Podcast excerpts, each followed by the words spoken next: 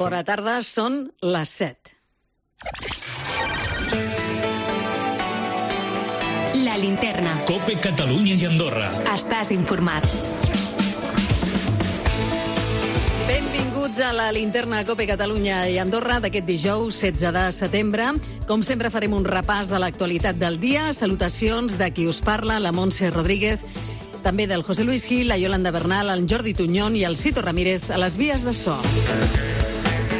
Avui l'actualitat ens porta a parlar de com quadrar l'economia domèstica aquest mes de setembre i arribar a final de mes. Consells per recuperar el control de la nostra economia després de les vacances. Avui ens parlaran d'un pla de xoc molt pràctic i ho farà l'Eduard Conti, que és assessor financer. I com soluciona conflictes a casa amb els infants? La fundadora de l'Escola de Pares en línia Relájate i Educa recull solucions creatives pels problemes quotidians. No recollir les joguines, estar gelós dels germans, tenir por i vergonya. Amaya de Miguel, fundadora de l'Escola Online, també ens visitarà. I la coalició Infozos, amb la Fundació EADA e INDA, demana a la ministra de Transició Ecològica acabar amb les interaccions directes entre animals salvatges i els visitants als zoos. Les interaccions amb aquests animals ofereixen una imatge distorsionada i errònia que els animals volen ser acariciats i abraçats per les persones. Això porta al públic a adquirir un exemplar o similar per tenir-lo a casa. L'Alberto Díaz és portaveu d'Infozos. I parlarem de videoclubs. 300 videoclubs sobreviuen a Espanya tot i l'augment de les plataformes. El Video Instant a Barcelona és la botiga del RAM més antigua. Funciona des de l'any 1977. Com resisteix? L'Aurora de Pares, la propietària, ens ho explicarà. I qui ens ha d'explicar coses també és el Moisès Camunyes, des de l'Agència Estatal de Meteorologia. Se'n va la calor? Se'n va aquesta humitat tan gran que tenim? Com està el temps? Bona tarda, Moisès. Bona tarda. Demà divendres esperem a Catalunya intervals nuvolats al Pirineu i a la meitat oriental i cels poc nuvolats a la resta, amb núvols d'evolució diurna a zones de muntanya. S'esperen probables ruixats, ocasionalment amb tempesta, primeres hores al litoral central i a la tarda al Pirineu, al quadrat nord-est i altres zones del prelitoral. Si parlem de les temperatures, les mínimes baixaran lleugerament amb valors a les capitals de província de 15 graus a Lleida, de 17 a Girona, de 20 a Tarragona i de 21 a Barcelona, mentre que les temperatures diurnes diurnes no canviaran molt, amb unes màximes previstes de 30 graus a Girona, de 29 a Lleida i de 28 a Tarragona i a Barcelona. Per últim, el vent serà variable fluix, amb intervals moderats del nord-oest fins al migdia al nord de l'Empordà i al sud de Tarragona. A la tarda tendirà a quedar en general vent del sud-oest amb intervals moderats al litoral. És una informació de l'Agència Estatal de Meteorologia. I qui té la informació de com estan ara mateix les carreteres a les 7 de la tarda i quasi bé 3 minuts? Doncs l'Eduard Sánchez des del Servei Català del Trànsit. Bona tarda. Hola, bona tarda des del Servei Català de Trànsit. Aquesta hora encara tenim diferents punts afectats amb aturades en volum de circulació. De moment, pel que fa a incidències, recordar que a causa d'un accident a la A7, a l'altura de Tarragona, hi ha un carril tallat en sentit sud, en sentit amposta. Hi ha, per tant, aturades en aquest punt de l'autovia. En aquest cas, per obres, a la C60 també destacar uns 3 quilòmetres de cues a la Roca del Vallès i en direcció Mataró. I ja pel que fa volum de trànsit, destacar sobretot l'entrada a Barcelona per la C33 i per la C58, les dues amb retencions a partir de Montcada cap al Nus, també l'autopista P7, punts habituals, com és a Barberà del Vallès en sentit sud, o la C17 a l'altura de Parets en sentit Vic. Per últim, les dues rondes d'aquesta hora encara força tapaïdes, les dues en sentit Besòs. És tot. Bona tarda. I ens posem al dia per saber quines són algunes de les notícies més destacades de la jornada. Yolanda Bernal, bona tarda. Hola, bona tarda. El sector hoteler comença a veure la llum al final del túnel. A finals d'any, Barcelona podria tenir ja el, el 85% dels seus establiments oberts. Això després d'un estiu molt dur, amb una ocupació molt per sota d'anys anteriors i amb una caiguda d'un 40% en els preus. Tot això es tradueix en unes pèrdues de gairebé 100.000 milions d'euros. El Gremi d'Hotels demana tornar a situar la marca Barcelona a nivell mundial i per fer-ho cal apostar per projectes com l'Hermitage o l'ampliació del Prat. Jordi Clos, president del Gremi d'Hotels, en diu que Barcelona s'ha d'endreçar. Barcelona, en, aquest últims, en aquests, dos, aquests dos últims anys, està, jo diria, lletja. És dir, hem perdut una mica eh, aquella, eh, aquella Barcelona mm, maca i potent una mica lletja eh, i una mica mm, desordenada. La neteja no funciona com té que funcionar, els brocs grocs sobre les terrasses, sobre les pintades del terra per circular si els hotels continuen amb l'ocupació actual, al voltant del 20%, la situació, segons el gremi, serà insostenible i no es podran mantenir els llocs de feina. Ara mateix, la meitat dels treballadors estan afectats per un ERTO. Salut preveu que els nous positius de Covid que es puguin donar a les aules es concentraran a la primària. De fet, quatre dies després de l'inici de curs, hi ha 31 grups confinats, la majoria primària. Ara mateix, el 64% dels alumnes de 12 a 19 anys ja té la pauta completa de vacunació i el 92% en el cas dels professionals. Els centres podran consultar a partir de demà a través de l'aplicació Traça Covid qui té les dues dosis posades i, per tant, no s'haurà de confinar. Ho explica Patricia Gomàs, secretària general d'Educació saber exactament quins alumnes, quins professionals de, de l'educació han d'estar o no confinats. Aquesta informació eh, serà eh, visible per tots els centres Salut descarta per ara vacunar els alumnes d'instituts que encara no estiguin protegits de la Covid perquè es considera que la vacunació va a bon ritme en aquesta franja d'edat. Tot i la millora de la situació, la millora de la pandèmia, la mascareta obligatòria a l'interior dels centres continuarà. Aquesta seria l última mesura a retirar. Els Mossos d'Esquadra creuen que el pare que va matar el seu fill en un hotel de Barcelona es va suïcidar poques hores després. Possiblement la mateixa nit que va matar el seu fill. La policia autonòmica ha explicat que la unitat aquàtica va trobar el seu cos penjat dins d'un un arbre en una zona boscosa molt a prop de l'aeroport del Prat. És una zona de difícil accés i s'hi va poder accedir a través d'un canal proper a l'aeroport. La policia no té indicis de que Martín Ezequiel Álvarez hagués planificat el crim ni tampoc la seva fugida. Vist per sentència el judici a un home acusat de maltractar el seu fill de només 10 dies, ara fa dos anys a Lleida. Segons els metges pediatres que han declarat, el nadó presentava unes lesions que no podien ser accidentals. L'acusat, però, reconeix que va sacsejar el nadó, però nega haver-lo colpejat. ¿Y cuál es el error al que usted se refiere?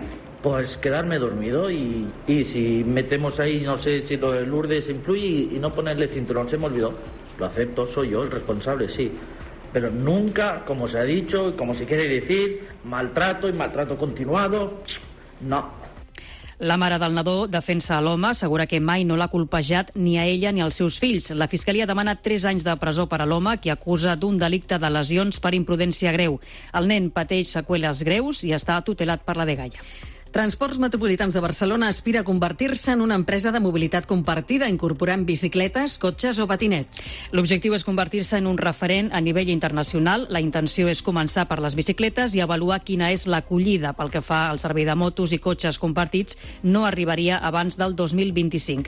Rosa Alarcón és la presidenta de TMB i regidora de mobilitat a l'Ajuntament de Barcelona que inclogui serveis de mobilitat compartida, com és la bicicleta, com és la moto, com és el patinet, com és la, eh, eh, fins i tot el cotxe, com a element d'aportació i de complement del propi transport.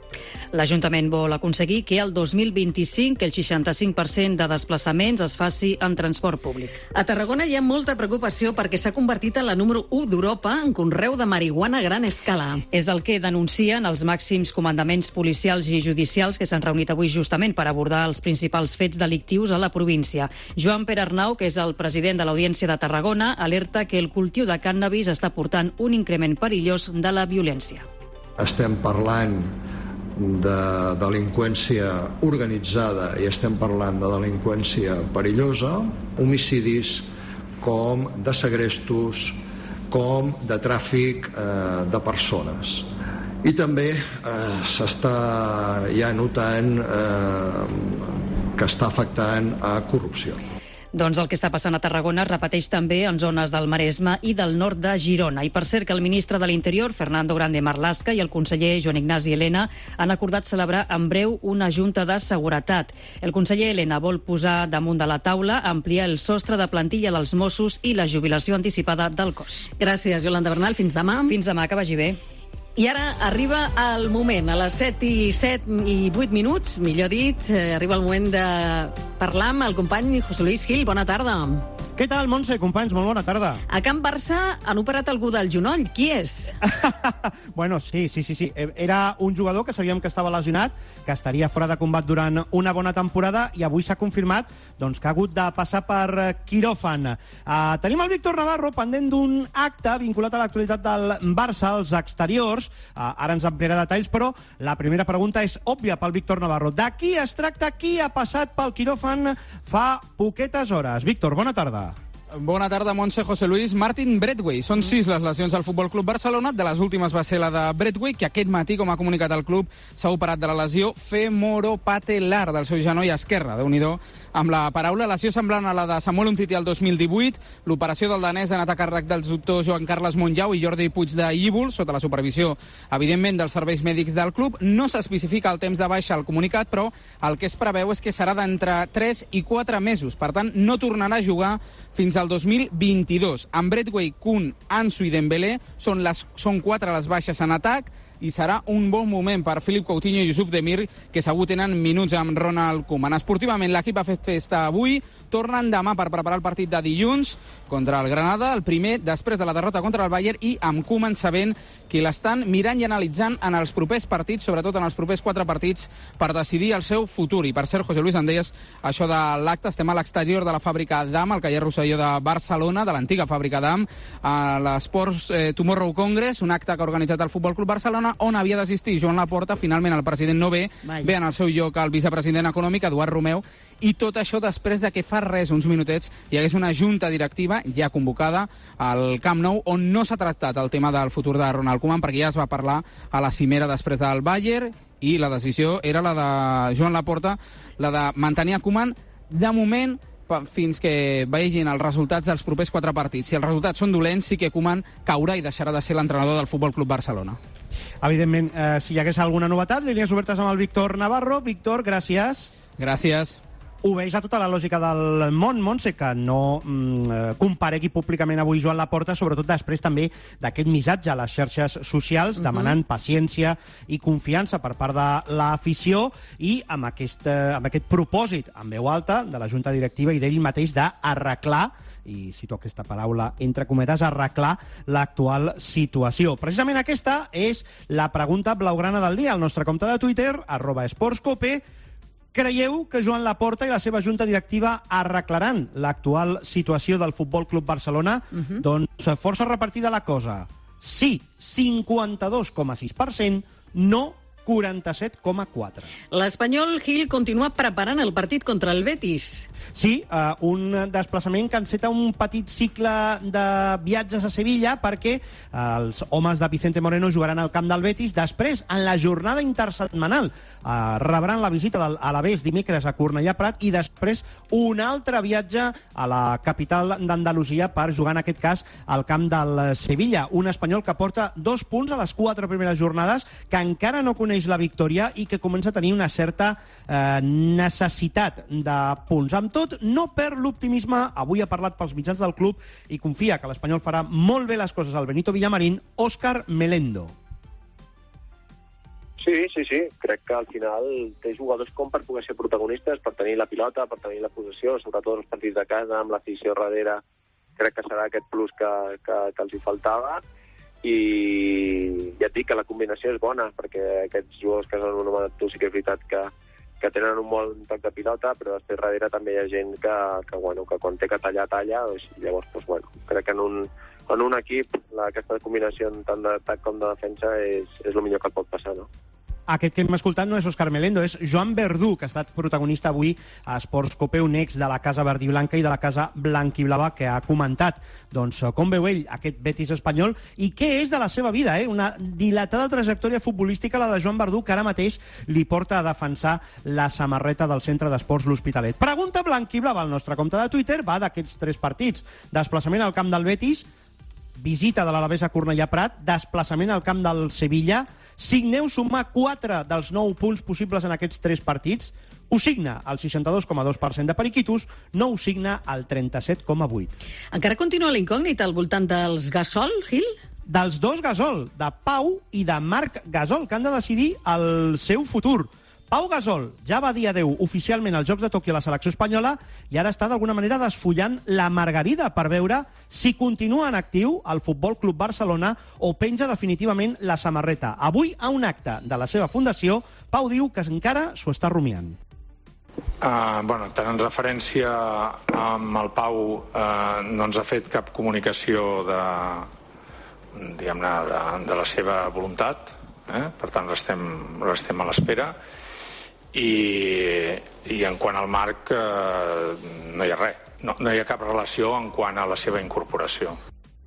És Josep Cubells, el directiu responsable del bàsquet del Futbol Club Barcelona, doncs que negava qualsevol mena de moviment eh, per incorporar Marc Gasol i que confirmava això, que estan esperant la resposta de Pau a si continua o no continua en el Barça. La, direct, la disjuntiva està molt clara. O continua al Barça o penja la samarreta. Pau Gasol comentava també respecte a la situació del seu germà Marc, que ja no és jugador de la NBA i que podria recalar o al Barça o al Girona, que s'ha guanyat el dret a dissenyar el seu futur com vulgui.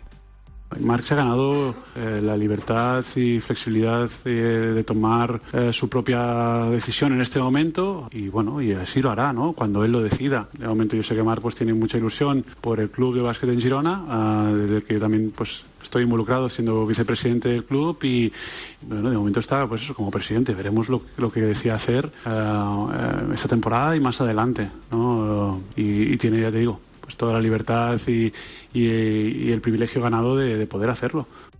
Parlava Víctor Navarro de l'operació de Martin Braithwaite, un altre blaugrana en el món del bàsquet ha passat pel quiròfan. Àlex Sabrines, operat del genoll esquerre, la mateixa intervenció que la de Martin Braithwaite. En aquest cas, el temps de baixa s'amplia una mica més perquè oscil·la entre els dos i els cinc mesos de baixa. I quins són els apunts que té vostè a l'agenda esportiva, senyor Gil?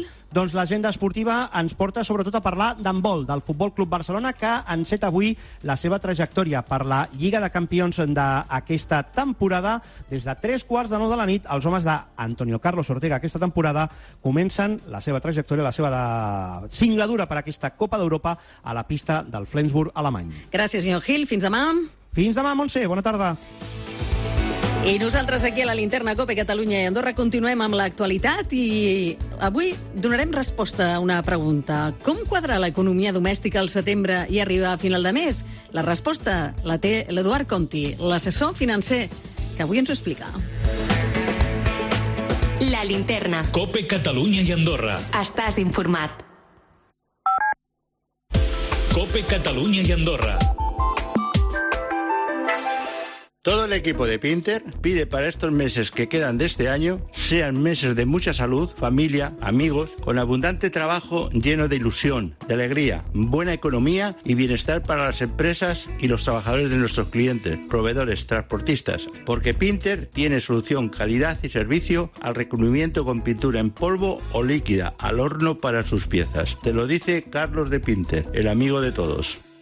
Hipoyagan, Hipoyagan. Ahora precios maravillosos. Con nosotros siempre pagará menos. Hipoyagan. En sofás ahora gran exposición con diferentes modelos de las últimas novedades del mercado. Cheslong modelo Cusi con diferentes telas a elegir antes 764, ahora 327 euros. Y compra ahora y llévatelo al momento o bien si lo prefieres te lo llevamos a casa. Hipoyagan. Todo para el hogar. Sofás, comedores, dormitorios, muebles de jardín, textil hogar, menage, lámparas y paga a 12 meses sin intereses. Hipoyagan en Terrassa, Granollers, Girona, Vilanova, Manresa y en hipoyagan.com. Tots els días. Momentos. Momentos. De tota una vida. Quiero que sepas que, aunque no me creas, te amo además. Que eres el único amor que ha existido en mi vida. Y pase lo que pase, aquí me tendrás. Momentos. Te quiero mucho y te mando un beso.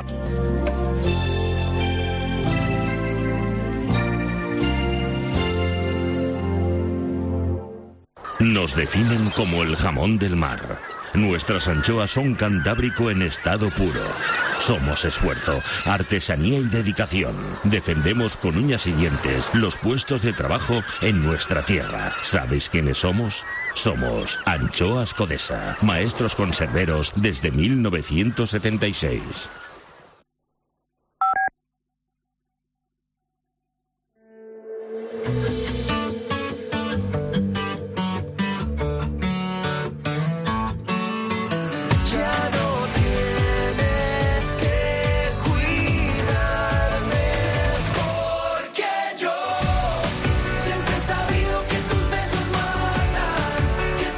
Venim de les vacances, encarem el curs escolar. Això vol dir comprar el material escolar, pagar les primeres quotes, el menjador, les activitats extraescolars. Fer quadrar el calaix de casa, arribar a final de mes i no morir en l'intent no és una feina fàcil. L'Eduard Conti, que és economista i assessor financer, imagino que ens donarà alguna guia per poder no morir en l'intent. Eduard Conti, bona tarda. Hola, bona tarda, Montse, què tal? Hi ha algun secret per no morir en l'intent i arribar a final de mes amb alguns calarons al calaix? Mira, uh, la veritat és que uh, estem en una època de l'any realment en la qual ajunten bastantes despeses extraordinàries perquè, a més a més, venim de l'estiu, que tradicionalment és una època complicada perquè gastem més del que, del que estava previst moltes vegades, mm. però a més a més es suma aquesta tornada a l'escola que, com dius, implica un munt de despeses. Ara, ara fa unes setmanes la, la OCU va publicar un estudi que calculava que la despesa aquest mes de setembre amb roba, material, escolar, etc, no? Mm. era de mitjana a Espanya d'uns 500 euros. Val? I, a més a més, per nen, eh? 500 euros per nen o nena. Mm. I que Catalunya i Madrid és, són les comunitats on això encara és més elevat perquè, perquè, per, perquè els costos també també ho són, no? Mm. Aleshores, fórmules màgiques. A veure, aquí hi ha una fórmula que és, que és molt senzilla, que sempre la gent que ens dediquem a les finances personals la recomanem perquè realment funciona, és, és tenir les, les finances controlades, és a dir, és a dir fer, acostumar-nos a fer a tenir un pressupost familiar. Sí. Val? Durant tot l'any. Eh? eh ara és un bon moment per començar. Eh? I sí. com es fa un si pressupost no... familiar? Què fem? Apuntem amb un paper o...? Mira, bàsicament, abans de res, els objectius no? que té de fer un pressupost. Primer, prevenir o, o tenir una previsió de despeses. Sí. Eh? Perquè no, no ens agafi la situació per sorpresa, no? Per exemple, aquesta situació del setembre que es dona cada any mm. i que és re reiterada, no? Cada cop hem d'afrontar totes aquestes despeses escolars, doncs, com que sabem que passa cada any, doncs, si tenim un pressupost, en aquest pressupost ja recollim totes aquestes despeses i ens permet també doncs, conèixer quina és la nostra realitat econòmica. No? D'una banda, podem preveure, però també anem apuntant la realitat, no? que és el que hem gastat realment. Què hi hem de posar? Doncs totes les despeses, des de les despeses més ordinàries que, que hem de fer front cada, cada mes, no? com és la vivenda, l'alimentació, sí. la roba, el transport, tot això, que sempre és, ja et dic, són despeses habituals mm -hmm. de qualsevol família, inclús podríem dir necessàries, però sí. després també hi ha les despeses que són extraordinàries, que són les que ens, des, les que ens desequilibren el, el pressupost i d'alguna forma les que poden amenaçar les nostres finances. No? I, I això és doncs, les vacances, les festes, les reformes, mudances, eh, compres importants... Un electrodomèstic que s'espatlli, no?, que has de comprar una nevera. Exacte, o sigui, despeses sobrevingudes, d'emergència, diguéssim, que passen el dia menys pensat. A mi m'ha arribat a passar que en, en poques setmanes se m'ha fet malbé la nevera mm. i la secadora, no? Mm. Doncs, doncs, clar, això un no ho espera, si no tens un raconet per fer-hi front, estàs obligat a endeutar-te, no? Mm eh, després, vaja, ja no parlem de, del que, de l'impacte que pot tenir doncs, separacions, eh, el tenir un negoci propi, les aficions, no? Hi ha gent que quasi que, que, que té aficions com l'esquí o la bicicleta, que és quasi com tenir un altre fill, no? Cert. El, el que estem gastant. Aleshores, eh, important, molt important, doncs, i ara especialment en aquesta època de l'any, doncs, tenir, tenir aquest pressupost. Mm -hmm. I per què es consta, es, eh, costa tant eh, fer això, que tu expliques molt bé, i que a l'hora sí. de la veritat, eh, jo no sé, segurament algun oïdor ho fa, però uh -huh. la majoria no ho fem.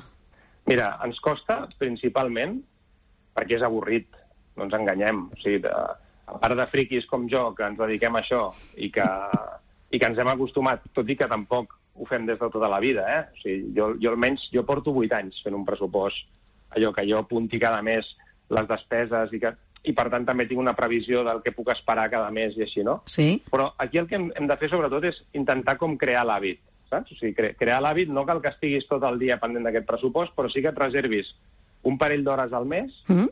per apuntar, o, o ni que sigui mirant el compte del banc, eh? O sigui, amb, amb què, quines han sigut les despeses que jo he tingut aquest mes, no? On s'han anat els diners? Perquè aquest, aquest coneixement és, és molt important. A partir d'aquest coneixement nosaltres podem prendre moltes decisions. Eh? I, i això, i això és, és, és fonamental, saber on estàs per poder decidir, uh -huh. per poder-te anticipar a problemes. En aquest cas, doncs, per poder preveure que el mes de setembre hem de fer una reserva de diners perquè ens vindrà una clatellada de les escoles i de, i de tot això, no? Clar. Eh, però realment, com tu dius, aquí el gran repte és fer-ho, no? És moltes vegades hi ha coses que sabem que són importants pel nostre benestar, no? Això passa, un, un dels clàssics és el tema dels gimnasos, no? O sigui, Sempre t'apuntes i no vas mai. clar, o sigui, tots sabem que, que la salut física és molt important i que, per tant, sobre el paper doncs, hauríem de fer exercici tantes hores a la setmana, però després ens costa molt perquè d'alguna forma, bueno, sempre passa per davant alguna tentació que ens desvia d'aquestes coses que sabem que són, són bones no, per nosaltres, Clar. però, però clar, el, el cas és que la gent que hi entra i que, i que, i que d'alguna forma arriba a tenir aquest control sobre la seva economia, queda molt satisfeta, saps? O sigui, és, diguéssim que és difícil arribar a consolidar aquest hàbit de, de tenir un pressupost, de, de tenir un coneixement de, de la teva situació econòmica, però quan hi arribes, realment és com un canvi de percepció, no? És clar. aquesta... Inclús, mira, una de les coses que, que genera més estrès en les persones mm. és, és l'economia. Eh? O sigui, és, és el, la, la situació econòmica, si podria arribar a final de mes... Sobretot si quan tens un, un sou baix.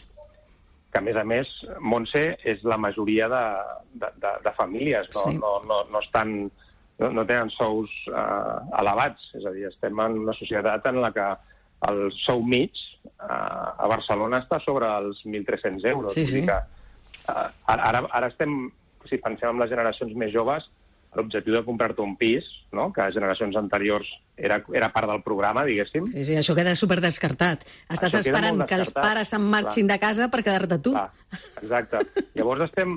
Clar, el cas és que quan hi ha una tensió tan gran entre ingressos i despeses, perquè eh, tu, tu has tret el tema dels sous, però parlem de les despeses, no? del, del que costa... Ara, ara gra, la gran notícia és parlar de l'energia, però és que podríem parlar també de la vivenda, que és un... Potser és, clar, és la principal despesa que tenen les, les famílies i, i la vivenda a les ciutats està pel núvol. Pels Sí, perquè núvols, no? di diuen eh, que, Eduard, que quan, quanta part hem de dedicar a la, a la vivenda? Quan era? Mira, la vivenda, els, els ràtios així de recomanacions més habituals són que si és una hipoteca, no dediquis més del 30% Ah. dels teus ingressos a, a pagar la hipoteca. Mm. Això generalment No es compleix. No es compleix, val? I quan és un lloguer, recomanen no passar-te del 25%, que també és difícil, perquè, clar, imagina't amb el sou aquest mig que et dic de 1.300, no? En el cas del 1.000 1.300, si fos un lloguer estaríem pagant de lloguers de 300 i pico euros, no? I, I no existeixen. Clar, si llavors, viure sol és quasi com, vaja, una quimera, no? Sí, sí. has de, doncs, doncs o, o viure en parella, o compartir pis, o, O viure amb els pares, sempre és l'opció. o viure amb els pares, no? Però, però vaja, el, el cas és que, vaja, especialment amb aquesta situació Sí. uh, i, i amb les circumstàncies que tenim, doncs és especialment important doncs, tenir aquest, aqu aquesta sensació de control que, que d'alguna forma aporta, evidentment, la situació econòmica és la que és, no? Però si tu tens un control sobre allò que fas, d'alguna forma sí que estàs una mica més tranquil. Doncs, saps, mira, saps quin terra trepitges, no? Eh, prometo una cosa, Eduard. Sí. A partir d'avui eh, faré pressupost. Mira, I si veig que no me'n surto, eh, jo et truco, ara ja que, que ja tinc un amic economista i assessor financer, que és l'Eduard Conti, eh, eh, et faré preguntes, però ho intentaré, eh? no sé si arribaré a fer-ho bé, però eh, en el intento, eh, bueno, la primer, el primer pas ja, ja el dono, és com el que vol deixar de fumar, no? Eh, com, eh, tenir clar que ho fas, i després sortirà el que sortirà. Escolta'm, t'agraeixo molt que hagis estat amb nosaltres, Eduard Conti, economista i assessor financer, i espero que molta gent també segueixi aquesta pauta que avui ens has donat a la linterna COPE Catalunya i Andorra. Moltes gràcies. Molt bé. Gràcies a tu i encantat. Igualment, bona tarda. Adéu-siau. Bona tarda. El consejo del día de la doctora Torrejón. Bueno, co- consejos nos puede dar no uno, muchísimos. Doctora Torrejón, buenas tardes. Buenas tardes, Monse. ¿Qué tal? Fenomenalmente bien y además encantada porque he estado aquí eh, bicheando en la página de la doctora Torrejón y que, por cierto, felicitarte por esa entrevista y ese podcast con el doctor Estevill. Eh, decirle a los oyentes que pueden seguirte a través de tu página y seguir Correcto. todos esos largos invitados y además interesantísimos que tienes. Gracias, muchísimas gracias. Sí que es verdad que ha generado mucha expectación. El otro día bromeando me pasaba la persona que lleva el tema del, pos- del podcast y decía, lo han escuchado hasta en India. Digo, pues mira qué bien. Siempre va bien, cuanta más lejos llegue mejor el mensaje. Hoy vamos a hablar de mensajes, pero más que mensajes de leyendas, doctora, porque ¿cuántas leyendas urbanas hay sobre el tema de la pérdida de peso? Muchísimas, muchísimas y leyendas urbanas que se terminan transformando, Monse, en creencias. Es decir, eh, la, de tanto oírlas se convierte como si fuera una verdad absoluta y a mí me cuesta la misma vida luchar muchas veces contra esas creencias, ¿no? Y me- gustará, si me da tiempo, dos, pero si no me, me centro en una fundamentalmente. Hay una creencia urbana que es el, el tema de hacer dieta sana para perder peso, ¿vale? Hay que comer sano, evidentemente, y hay que comer sano por salud, por necesidad y por muchísimos motivos. Pero algo muy importante a tener en cuenta es que por comer sano no se baja de peso. Y esto yo creo que muchas de las personas que escuchan tu programa puede ser que se sientan identificadas, ¿no? Porque a mí me vienen y me dicen, mire, es que yo hago dieta sana y no bajo de peso. Digo, correcto, porque tiene que pensar, y esto es lo que normalmente no se dice, que cuando estamos comiendo sano, y el concepto de comer sano, yo creo que lo tenemos todos claro, ¿no? Es comer a la plancha, es comer al horno, es comer verduras, es comer ensaladas. Todos esos alimentos, aunque utilicemos forma de preparación sana y sean alimentos, como, como he dicho antes, sanos, tienen un aporte calórico y todo lo que nos hemos comido sano a lo largo del día va aportando esas calorías. Y si esas calorías que resultan al final del día, aunque vengan de alimentos sanos, son más de las que yo necesito, de las, de las que mi cuerpo utiliza, también comiendo sano yo me puedo, puedo aumentar de peso. Es decir, comiendo sano puedo engordar, comiendo sano puedo quedarme en el mismo peso y comiendo sano puedo adelgazar, ¿vale? Entonces, esto cuesta muchísimo trabajo creerlo, porque una persona que pi- piensa que por dejar de hacer excesos es suficiente para adelgazar. Y esto es lo que hace, sobre todo cuando ahora venimos del verano, ¿no? Que hemos tenido el mes de verano, que nos hemos pasado.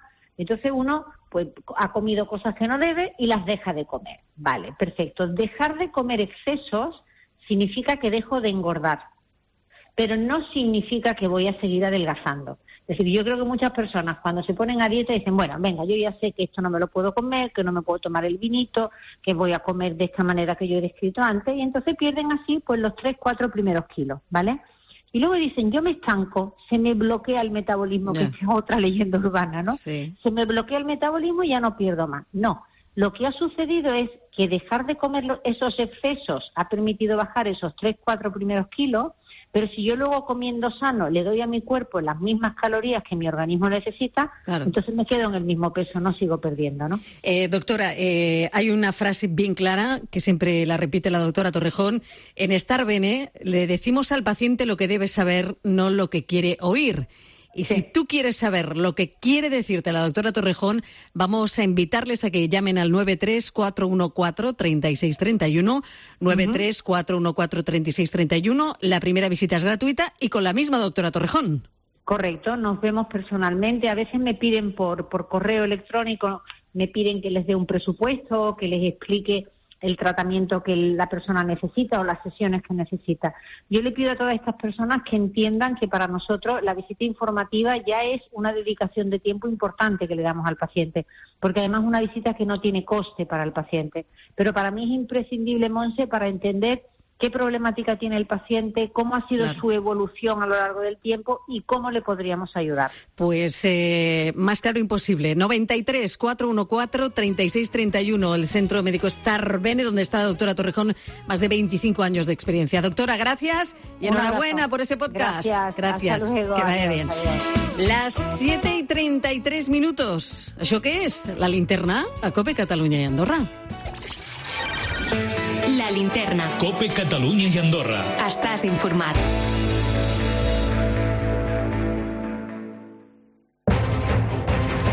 I d'aquí un moment us parlarem de com solucionar conflictes a casa amb els infants, però Atención, que tengo algo importante que decirte. ¿Tú eres de los que tienes 15 puntos de carnet? Bueno, pues cámbiate ahora mismo. ¿Que te cambies a dónde? Pues que te cambies a línea directa. Porque Línea Directa te ofrece algo increíble. Contrata tu seguro de coche o moto con ellos y te bajarán hasta 100 euros en tu seguro. Que si tienes los 15 puntos, ¿que qué haces? ¿Que no estás en línea directa? Pues marca ahora mismo el 91 917 700 700. 91 917 700 700. Consulta condiciones en lineadirecta.com. Estás escuchando la linterna de Cope. Y recuerda que si entras en cope.es, también puedes llevar en tu móvil las mejores historias y el mejor análisis con Ángel Expósito. Los profesionales eligen Bricomart, porque ofrecemos una amplia gama de marcas de calidad de líderes del sector de la construcción. Y cómo no, con el mejor asesoramiento profesional. Por algo somos el mejor aliado de tus obras, el auténtico almacén de la construcción y la reforma pensado para profesionales. Bricomart.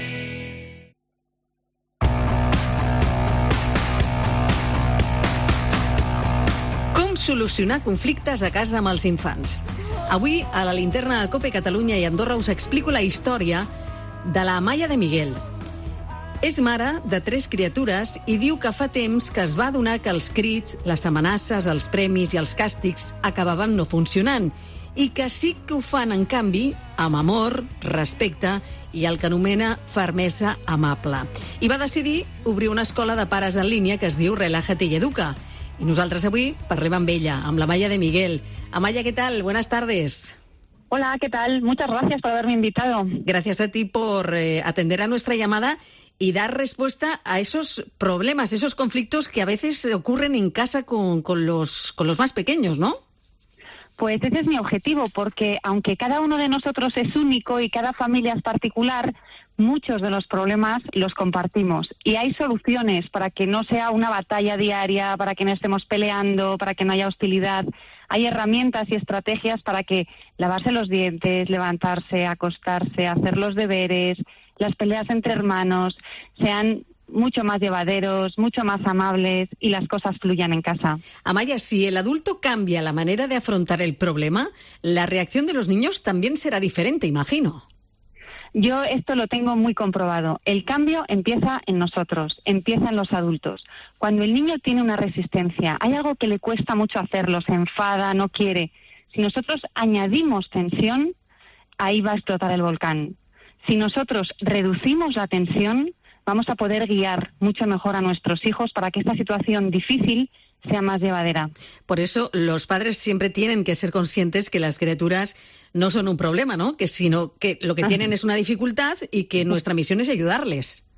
Pues yo creo que ese es un cambio de chip en el cerebro de los adultos que ayuda muchísimo en la familia. Cuando dejas de ver a tu hijo como un problema y lo que percibes es que tiene una dificultad y que tu misión es guiarle, acompañarle, para que consiga solventar esta dificultad o vivir con ella de la manera mejor posible, menos dañina, cuando nosotros conseguimos eso, la relación con los niños cambia, manejamos el conflicto de otra manera, porque somos sus guías, somos sus compañeros, les ayudamos en el camino, que la vida a veces es difícil, pero para un niño que se está formando, mucho más.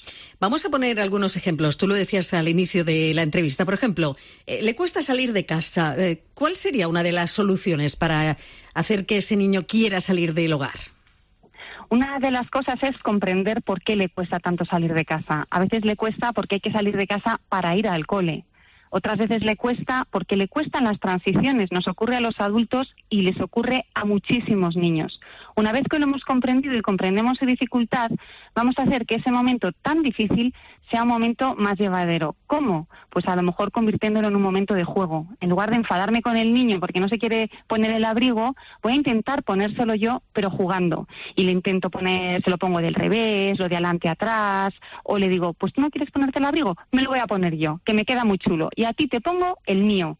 Jugáis, la tensión se reduce y ese momento, que era un momento feo, negativo para el niño, que le despertara emociones negativas, se convierte en un momento bonito, agradable. Y además estás consiguiendo que haya conexión entre vosotros. Y cuando hay conexión entre vosotros, sois equipo. Y es más fácil que el niño te siga. Amaya, hay una cosa muy bonita que tú dices que, por ejemplo, cuando el niño no quiere ir a la escuela, le puedes eh, hacer un dibujo o escribirle un mensaje decirle o escribirle una frase bonita y decirle, solo puedes abrirlo cuando llegues a clase, ¿no? Es una manera de que él tenga la ilusión de llegar para ver realmente qué es lo que le hemos escrito. Claro, cada día una cosa nueva, una cosa que sabes que le va a gustar y que además la puede ver nada más llegar a clase, pero también una hora después cuando te echa de menos o en el recreo, si a lo mejor ese es el momento más difícil para él, la tiene ahí, es como llevarse un trocito de ti en la mochila. Hay otro ejemplo muy bonito cuando hablas de que no quieren recoger los juguetes, que los padres pueden convertirse por, por un ratito en periodistas deportivos, ¿no? Como si hicieran una retransmisión. Sí, esta es una cosa que yo he hecho mucho en casa. Una de las estrategias de Relájate y Educa es hacer el payaso en los momentos difíciles. Y a veces si los niños no quieren hacer algo, tú puedes coger un micrófono, que es un boli, un zapato, algo que tengas por ahí, y empezar a decir, veo una alfombra llena, llena de juguetes, pero atención, atención, porque hay un niño que tiene las manos vacías, no está recogiendo ningún juguete, ¿qué es lo que podemos hacer? Y, y, empiezas a hacer una retransmisión deportiva o con los juguetes, con el niño y, y lo, lo, lo, la intención es que todos acabemos riéndonos, que la tensión desaparezca y que lo podamos hacer más fácil. Oye, cuando llegan los celos, eh, ¿cómo actuar? Pues mira, eh, cuando llegan los celos, esto es un problema muy complejo. Lo abordamos en el libro, pero es verdad que hay que tocarlo desde muchos ángulos pero mm, es importante hablar con el niño de lo que le ocurre, nombrarlo siempre sin juzgarle. A mí me gusta mucho darles a los niños la fantasía de que son hijos únicos y que puedan exagerar y, y hablarlo con ellos. Claro, es que si fueras hijo único estarías todo el rato con mamá, pegado a mí, nos pegaríamos con pegamento.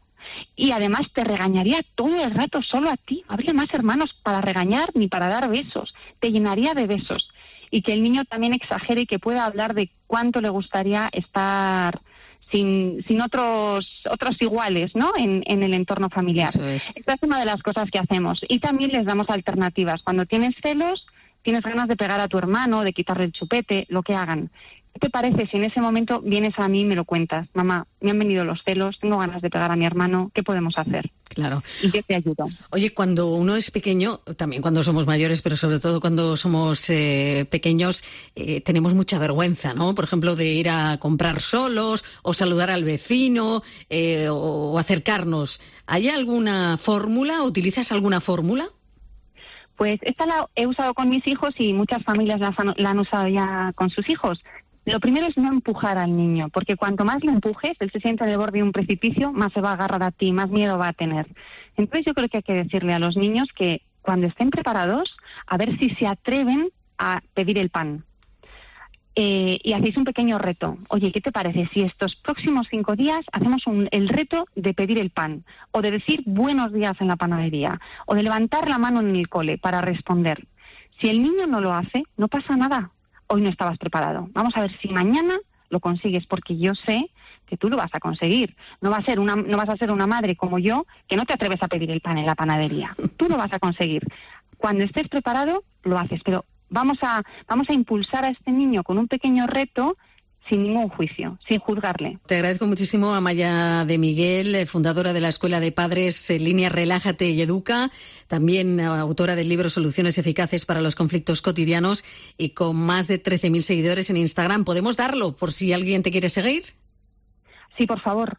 Siempre Relájate y Educa. En Instagram, en Facebook y en YouTube. Relájate y Educa, todo junto, sin tilde. Pues todos a seguirte. Amaya, gracias. Buenas tardes. Muchísimas gracias a ti, que estéis muy bien. Un abrazo.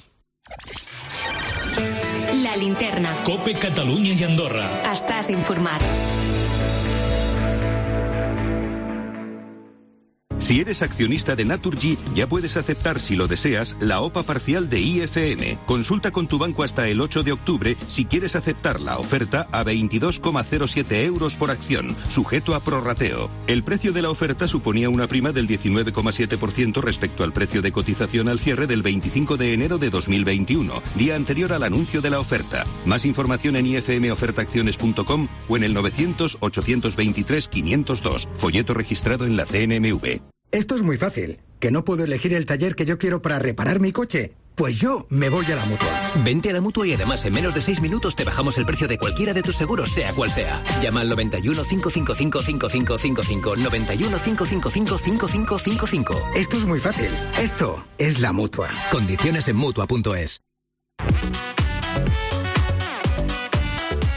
La coalición Infozos de la Fundación FADA y la asociación ANDA han pedido a la ministra de Transición Ecológica y Reto Demográfico que pida a las comunidades autónomas acabar con actividades que impliquen el contacto directo y la interacción entre animales salvajes y público visitante de los parques e instalaciones zoológicas. ¿Por qué? Pues se lo vamos a preguntar a Alberto Díez, que es portavoz de Infozos. Alberto, ¿qué tal? Buenas tardes.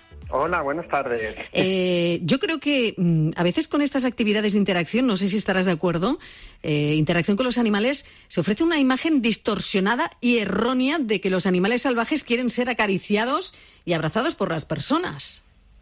Completamente. Eh, es decir, uno de, las, eh, de los grandes problemas que hemos detectado a la hora de, eh, de vigilar qué, qué- qué imagen se emite desde estas instalaciones es esta, es la relacionada con la, vamos a llamarla, mascotización de estos animales, ¿no? Esta imagen de cara sobre todo a la población infantil, eh, que puede incentivar eh, la- su idea de que estos animales pues, son animales de compañía y sobre todo que estos animales desean ser tocados y desean ser abrazados, cuando es absolutamente todo lo contrario, ¿no?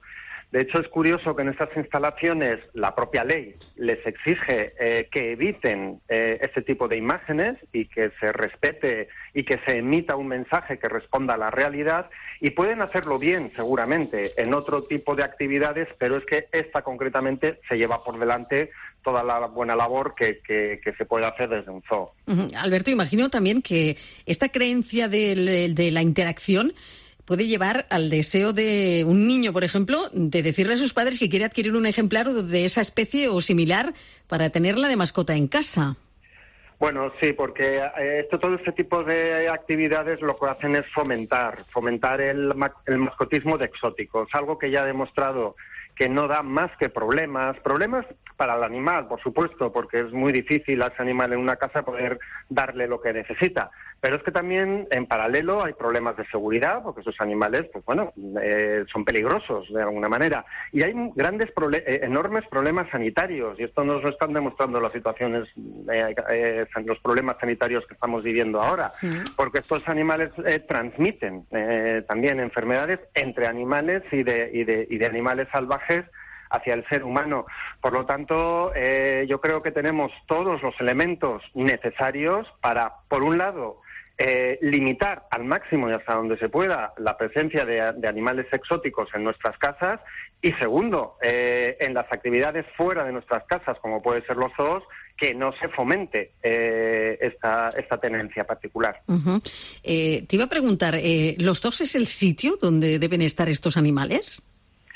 Bueno, eh, esos animales, primero, para poder estar en cautividad, tiene que haber una justificación que, de- que- que- que argumente esa permanencia en cautividad, que bien puede ser la, la conservación de las especies o la necesidad de, de- de- consecuencia del tráfico ilegal y necesidad de reubicación. Por lo tanto, una justificación por un lado y luego, eh, una vez justificado, se tienen que mantener en unas instalaciones que sean correctas y que le ofrezcan a los animales pues el, el- el medio natural o una copia del medio natural y que se encuentren en una situación eh, naturalizada. Esto se puede dar en un zoo, sí, no, no tiene por qué no darse, se puede dar en un zoo, no es el, uno- el único lugar, se puede dar en un centro de rescate, se puede dar en un santuario, pero lo que es importante es que una vez que los tenemos en cautividad por un motivo justificado, el uso de estos animales sea el apropiado. Y desde luego lo que no es apropiado es utilizar esos animales para emitir una imagen que al final va a ser negativa para sus hermanos o para sus primos hermanos o para sus descendientes. Ajá. Hay muchas ciudades en los que incluso se plantean de- dejar de tener los dos abiertos o tenerlo abierto pero con un mínimo de animales. Sí, bueno, evidentemente es que para nosotros un zoo donde existen este tipo de actividades de toca-toca y sesiones fotográficas e interacciones, eso no es un zoo, eh, o no debería de ser un zoo, de hecho no lo es. Un zoo es algo muy distinto, un zoo es un lugar en el que hay animales en cautividad por el motivo X, siempre justificado, y que esos animales se utilizan para eh, fomentar e incentivar la conservación de las especies, para trabajar por la conservación de las especies. Y lo demás, eh, se pongan como se pongan, no es un zoo, será una antigua, lo que eran antiguamente... Una casa de pues, fieras. una casa de fieras o los antiguos circos, eh, en fin, la que llaman actividades circenses que utilizaban animales salvajes, es otra cosa distinta, pero no es un zoo, les queda grande esa palabra. Sí me gustaría añadir un momentito que a, esto, a esta carta que hemos remitido al Ministerio, a la ministra de Medio Ambiente, precisamente, y esto es eh, una noticia de última hora, nos han contestado. Ah, ¿y qué Nos dice? han contestado desde Medio Ambiente diciendo que les parece correcto el, argumento eh, y que por lo tanto eh, se van a dirigir a las comunidades autónomas recomendando, que es hasta donde puede llegar la autoridad central, recomendando que se evite la interacción con los animales en, la, en, en los zoos bonito mensaje, es, positivo, y lo valoramos positivamente. Y ahora, pues ahí nos quedan ahora la, segunda parte, que es que las comunidades autónomas lo apliquen. Desde luego. Oye, pues eh, con esa buena noticia nos vamos a quedar. Te agradezco muchísimo, Alberto Díez, portavoz de Infozos, que hayas estado con nosotros. Y recordar que los animales tienen sus propios hábitats y que, que, nada, que ni quieren ser abrazados ni quieren ser fotografiados. Eso Por supuesto, lo que quieren es vivir tranquilos eso es, eso Alberto, muchas gracias. Muchas gracias a vosotros. Un abrazo. Un abrazo. Oye, te veo muy tranquila. Yo es que estoy muy preocupada con la subida de la luz. Pues sí, estoy tranquila. Porque con Iberdrola mi precio de la luz se mantiene estable. ¿Estable? Sí, durante cinco años. Anda, llama ya y despreocúpate tú también. Con Iberdrola clientes, más de 6 millones de hogares disfrutan hoy de un precio estable. Infórmate gratis en el 924 24 24 o en iberdrola.es. Empresa colaboradora del programa Universo Mujer.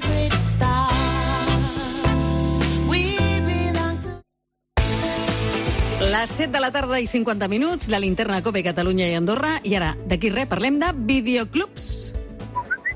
Hazme el favor, hija, léeme el mensaje. Dice que la presbicia se puede operar, que en Clínica Baviera llevan más de 15 años corrigiendo la presbicia con excelentes resultados. ¿En serio? No, es mamá, que te has dejado las gafas en casa. Pide cita en el 900-180-100 o en clínicabaviera.com y deja de depender de las gafas de cerca. ¿Oyes esa voz? Esa vocecita que te pide moverte del sofá, que te hace decir sí a todos los planes. Para estar siempre listo para la aventura, ahora tienes hasta 775 litros de capacidad de maletero por lo que pueda surgir. Nuevo Renault Kangoo, orgulloso de serlo. Empresa colaboradora del Centenario del Automóvil de Barcelona. En Securitas Direct te protegemos frente a robos y ocupaciones. Además de poder detectar al intruso antes de que entre en tu casa, verificar la intrusión en segundos y dar aviso a policía, somos los únicos capaces de expulsar al intruso de tu vivienda en el momento. Gracias a nuestra tecnología exclusiva Cero Visión, generamos una situación de cero visibilidad al instante, obligándole a salir. Confía en Securitas Direct, expertos en seguridad. Llámanos al 900 666 777 o calcula online en securitasdirect.es.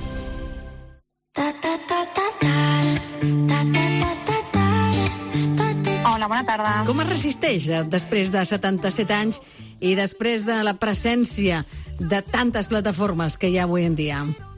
Eh, després de, de, de 40 anys eh, resisteix amb ganes, eh, amb amor al, al cinema i amb perseverància. I la veritat és que també ens hem renovat eh, i en el nou local de, del carrer Viladomat doncs hem inclòs la sala de cinema i la cafeteria per intentar crear un espai que sigui més enllà d'un videoclub, saps? Que sigui una mena de club social cultural. Quin és el perfil de la gent que encara visita un videoclub? Doncs eh, és, és, hi ha gent més jove del, del que la gent crec jo que es pensa, perquè el perfil, diguem-ne, eh, més característic serien les famílies, per exemple, que, que els agrada inculcar una mica als nens eh, i a la joventut anar al videoclub, mirar una pel·lícula, escollir en família, també la gent gran, que ja no es va passar al, al, a les plataformes o que ja no, ja no s'ha digitalitzat tant, no, no els és tan senzill, i també gent jove que estudia cinema o que s'interessa per, per cinema que no troba a la seva plataforma i aleshores ve al videoclub buscant allò que vol veure, que li han recomanat i que no troba. Uh -huh. Entre vosaltres, entre aquests 300 eh, videoclubs que encara sobreviviu a Espanya, teniu contacte? Heu fet sí. alguna xarxa? tenim un grup de WhatsApp. Tenim un grup de WhatsApp i, i quan algú, per exemple, surt a la premsa o li fan una entrevista o el que sigui, sempre ens, ens ho posem i també ens comuniquem les ofertes, eh, les coses que funcionen a un lloc o a l'altre, alguna pel·lícula que potser eh, un compra i aleshores doncs, jo els hi puc dir doncs, aquesta pel·lícula val la pena, és poc coneguda però és bona, recomaneu-la als clients que els agradarà i aleshores en, bueno, ens, ens comuniquem i ens donem tot el suport que, que es pot en, en aquests temps. Que bé. Escolta'm, tu tens sí. 46.000 pel·lícules? Sí. No les he vist totes, eh? No m'ho preguntis perquè no les he vist totes. I si et pregunto la més antiga que tens de les 46.000? Mira, la més antiga deu ser... No em sé el títol de memòria, perquè més no m'enganxes a la botiga, però deu ser alguna pel·lícula eh, segurament o catalana o espanyola dels anys 70. Sí. Eh, d'aquestes que encara estan VHS que ni tan sols s'ha digitalitzat, no sé, com podria ser Últimes tardes con Teresa, mm. o algun d'aquests títols que, que encara es lloguen i, en VHS, perquè ningú l'ha tret en DVD, que encara ho conservem. I pensa que tenim 46.000, però clar, van creixent, perquè cada setmana surten novetats. I, I avui ha sortit Viuda Negra, per exemple, saps? Tu quan veus un vídeo al carrer, que la gent es llença perquè diuen esto ja no me sirve para nada, què en penses? Què, què et ve al cap? No l'he vist, eh? jo crec que el karma juga al meu favor i no, i no, i no l'he vist, perquè si el veiés el recolliria, saps què vull dir? Me'ls aniria emportant cap a casa. Normalment, saps sí que fa molt la gent? Ens truca i ens pregunta si abans de, de llançar la deixalleria, eh, algun VHS o algun DVD, tant aparell com pel·lícula, eh? si nosaltres el recollim. I aleshores depèn del que sigui, si ho podem recollir o depèn del que sigui, no. Però la veritat és que la gent té bastanta deferència amb nosaltres per trucar-nos per això i jo crec que el, el, el karma juga al meu favor i jo no, diria que no n'he vist mai. Bueno, tocarem fusta millor, me n'alegro sí, sí, sí. moltíssim. Sí, sí, sí. eh, no m'ho enduria a casa tot. Eh, Aurora, tot torna, diuen, no? Eh, creus que això, eh, els videoclubs tornaran a reviure aquell boom que va tenir fa uns anys? Mira, els videoclubs sempre diem que no hem marxat mai. És veritat que tornar a reviure el boom eh, en l'era que estem vivint és, és complicat, però és que nosaltres l'únic que, que volem realment eh, és que la gent sàpiga que continuem aquí, que cada ciutat eh, d'Espanya de, trobaran un videoclub si, si, la, si, si el busquen, i que seguim aquí i que, i que som una alternativa igual de bona, igual de viable eh, per oferir cultura que una plataforma, que les plataformes estan genials, però nosaltres tenim molt més producte que una sola plataforma i, en el meu cas, que totes juntes. Llarga vida al videoclub! Moltes gràcies, i tant que sí. Gràcies, Aurora, una abraçada. Merci, adeu. adeu.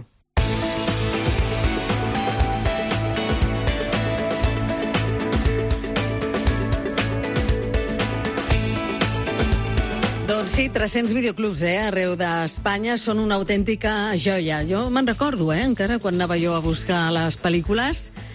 Però bueno, la cosa avança, però continuen estant els videoclubs i aquí a Barcelona en tenim un dels més, el més antic d'Espanya. Arriba el moment de marxar. Recordeu que tot allò que hem fet en aquest programa ho podeu recuperar a través de la plana web de cope.es Poseu cope.es barra Barcelona i busqueu allà eh, secciones on posa la linterna Cope Catalunya i Andorra. Allà ja trobareu aquest programa i d'altres programes d'aquesta casa, que ja sabeu que estem 24 hores non-stop oferint eh, la informació i tota l'actualitat. Ara eh, us demano una cosa, que us quedeu escoltant la COPE perquè el company Expósito, Ángel Expósito, està preparadíssim per continuar i donar-vos tota la informació. Salutacions del Cito Ramírez a les vies de so i qui us ha parlat de Montse Rodríguez. Un plaer. Demà serà divendres. Ens veiem aquí. Adéu-siau. Fins demà. La linterna. Cope Catalunya i Andorra. Estàs informat. Cope Catalunya i Andorra. Nos definen como el jamón del mar. Nuestras anchoas son cantábrico en estado puro. Somos esfuerzo, artesanía y dedicación. Defendemos con uñas y dientes los puestos de trabajo en nuestra tierra. ¿Sabéis quiénes somos? Somos Anchoas Codesa, maestros conserveros desde 1976. ¿Quiere reformar su cocina o baño? Déjese de ofertas y regalos. Nosotros solo tenemos los mejores precios. No reforme sin visitarnos. Saldrá ganando. Cerámica San Andrés, en Plaza Musén Clapés 23 de Barcelona. 93 345 5102. Parking cliente en nuestras instalaciones. Y ahora le descontamos el IVA en cada compra. Una vida sexual satisfactoria es sinónimo de estabilidad en la pareja. En Clínica Masculina Europea tratamos con los métodos más modernos la disfunción eréctil, eyaculación precoz o la falta de deseo. Centro de referencia en Barcelona especializado en disfunciones sexuales masculinas. 902-217-575. Clínica Masculina Europea. 902-217-575. Ahora que ya podemos, vamos a salir a cenar al restaurante La Lubina, porque en esta época del año lo que más me gusta es cenar pescado. Y en el restaurante La Lubina llevan más de tres décadas ofreciéndote lo mejor del Cantábrico y del Mediterráneo, servido en un ambiente agradable y tranquilo. Nuestra especialidad,